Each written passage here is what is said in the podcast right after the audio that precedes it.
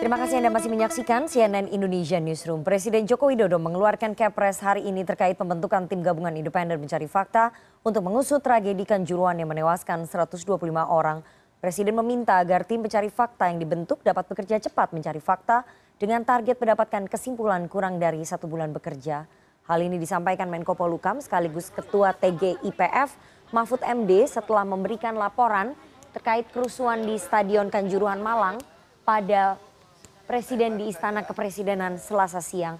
Menurut Mahfud, Kepres yang diterbitkan Presiden hari ini akan menjadi dasar hukum bagi TGIPF dalam bekerja.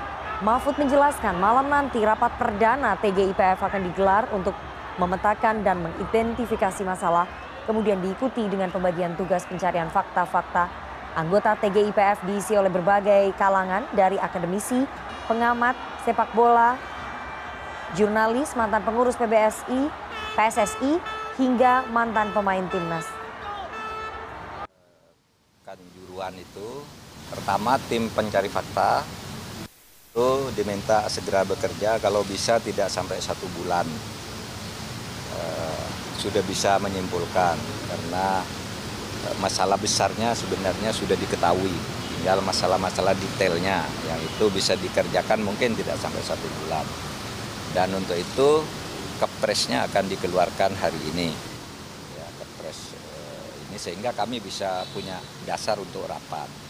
Kenapa itu harus dengan kepres? Karena di setiap institusi juga mempunyai tim investigasi sendiri.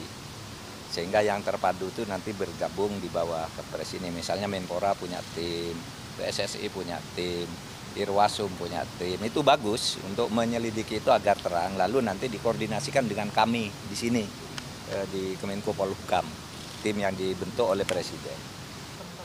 Lah itu tadi Presiden minta kalau bisa jangan sampai sebulan.